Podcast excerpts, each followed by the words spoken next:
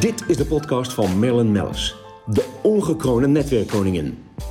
Hierin spreekt zij inspiratievolle ondernemers uit Founders Carbon Network.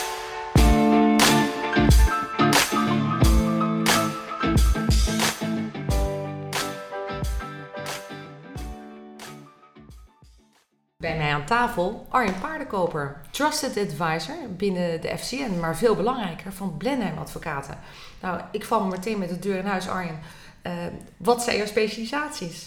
Goedemorgen Merlin, wat gezellig om hier weer te zijn. Uh, ik ben gespecialiseerd in overnames van bedrijven aan en verkopen, aandeelhoudersgeschillen.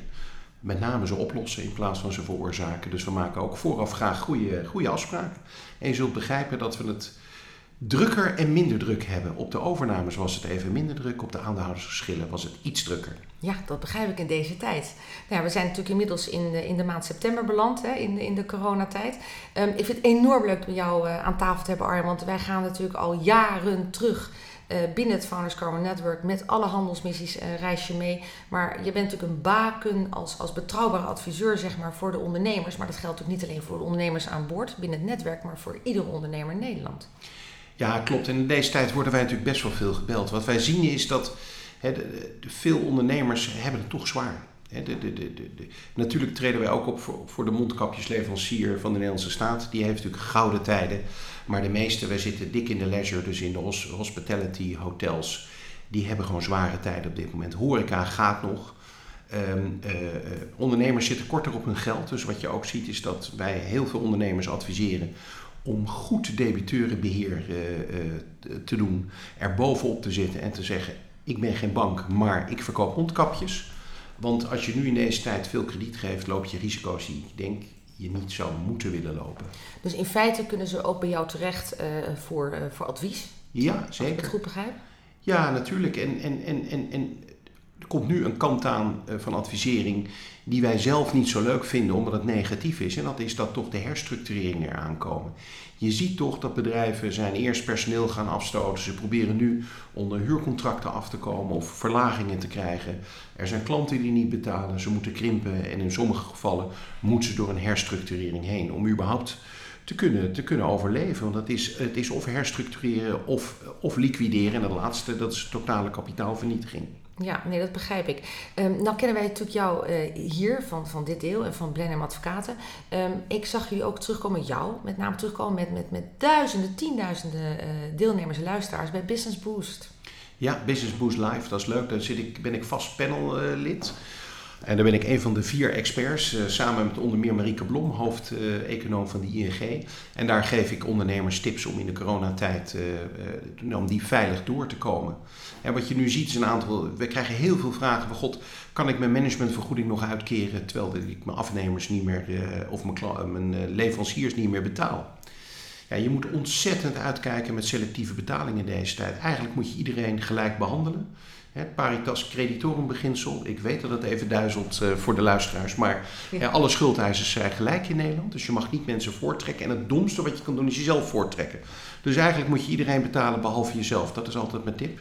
Dat is natuurlijk geen leuk nieuws. En als je jezelf niet meer kan betalen, dan moet je gaan nadenken of je überhaupt nog bestaansrecht hebt. Ja. En of het niet tijd wordt om, uh, om te herstructureren. Ja, en um, wat ik me kan herinneren toen uh, de corona instartte, dat was natuurlijk in maart, dat uh, premier Rutte die s'avonds op televisie verscheen en op de radio en zei, we hebben een lockdown.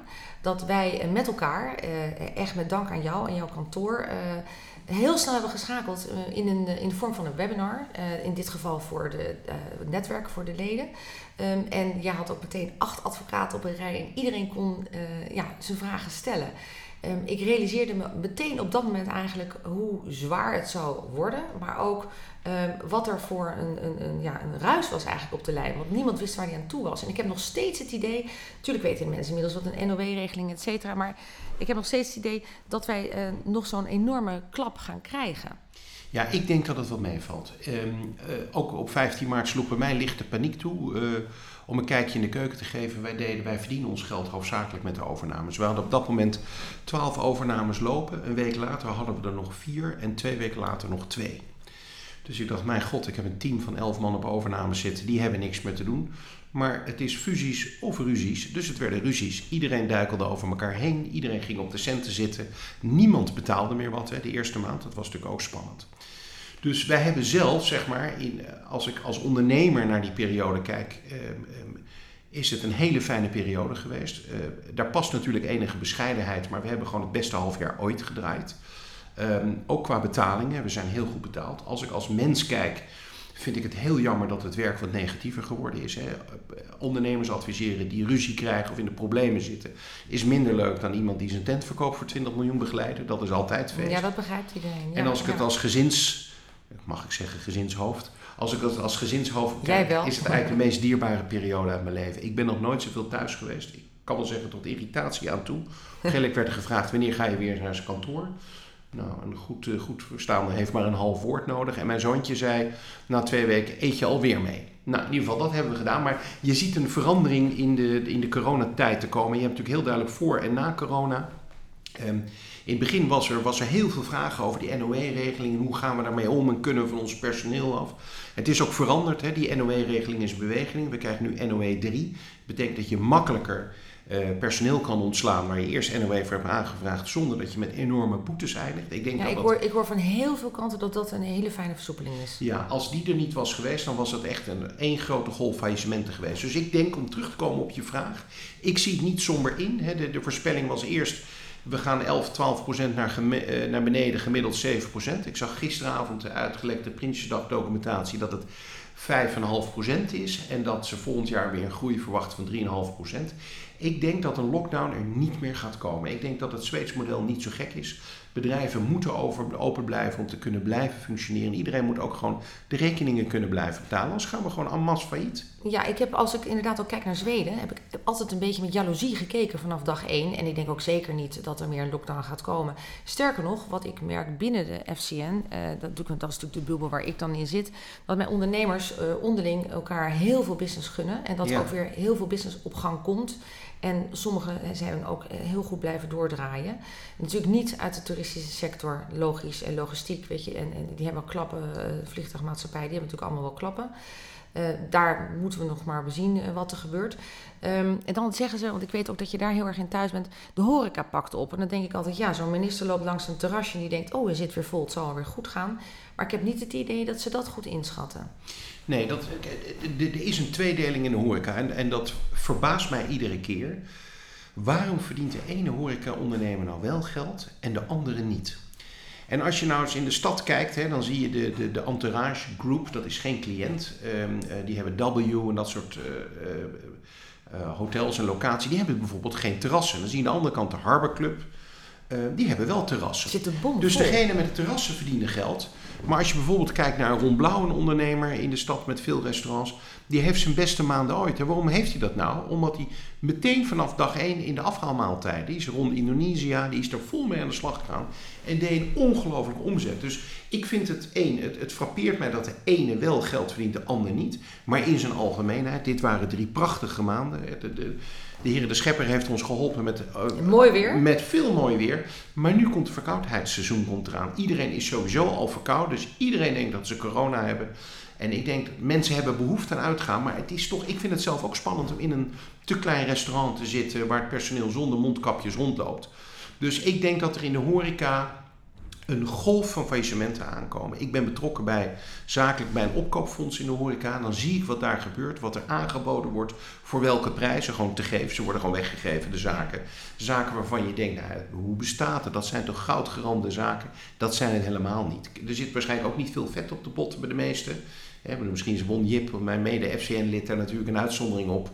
En, de Harbor Club uh, doet het ook goed. Maar er zijn natuurlijk veel restaurants die in de problemen zitten. Ik ben zelf investeerder in een restaurant zonder terras in het centrum van Amsterdam. Nou, ik vraag me af. Ik hoop dat ze het gaan overleven, maar ik denk het eerlijk gezegd niet. Nee, dan heb je het over vet op de bot. Hè? Want dat zegt ook iedereen. Goh, heb je dan niet een beetje reserve? Maar ja, zo werkt het niet altijd in de horeca. Um, als je nu kijkt naar uh, inderdaad, het, het, schept ook wel weer heel veel mogelijkheden. En je had het net over de creativiteit van de ondernemer. Laten we eerlijk zijn wat Ron Bouw gedaan heeft. Velen hebben dat natuurlijk gedaan, maar wat hij, hoe hij het aangepakt heeft, ook marketing, marketingtechnisch, is natuurlijk heel knap. Nee, je ziet ook de flexibiliteit van de ondernemer en van de markt. Hè? Want ik bedoel, de, de, de Spaanse griep in 1918 zorgde voor een enorme slachting onder jonge mannen die terugkwamen van de oorlog.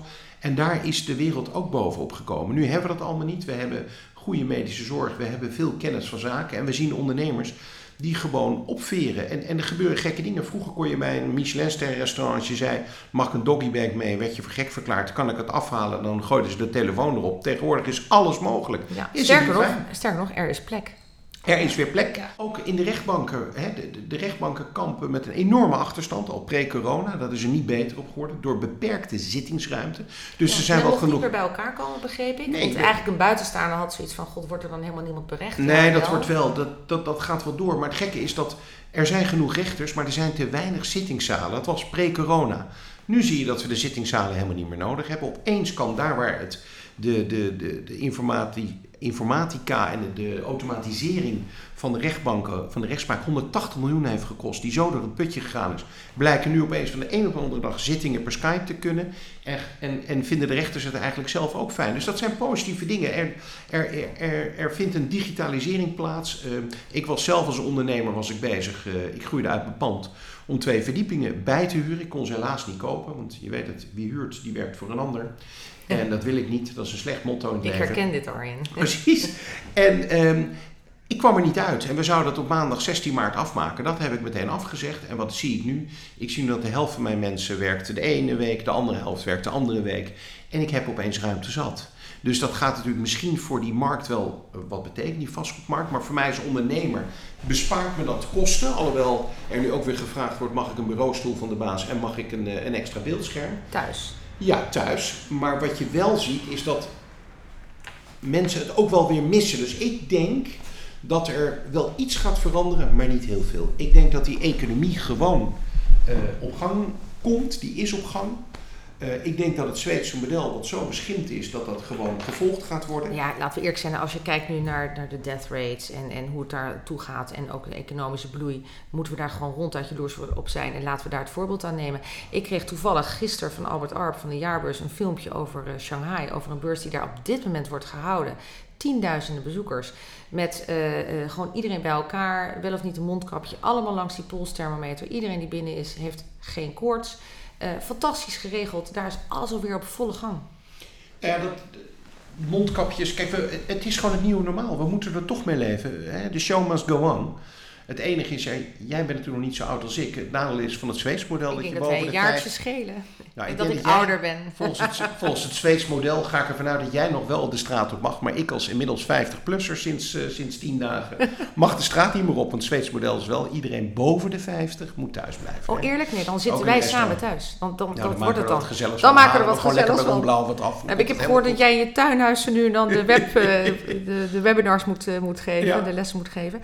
Ehm, ja, Arjen, ik wil altijd heel graag besluiten. Dat, dat is altijd mijn droom van de tips hè, van, de, van de ondernemers. Jij bent natuurlijk een, een advocaat, een, een ondernemer en, en ja, met zoveel bagage. En eh, staat altijd open ook. eh, ook niet, niet alleen binnen het netwerk, maar ook daarbuiten. Maar heb jij tips voor dit moment?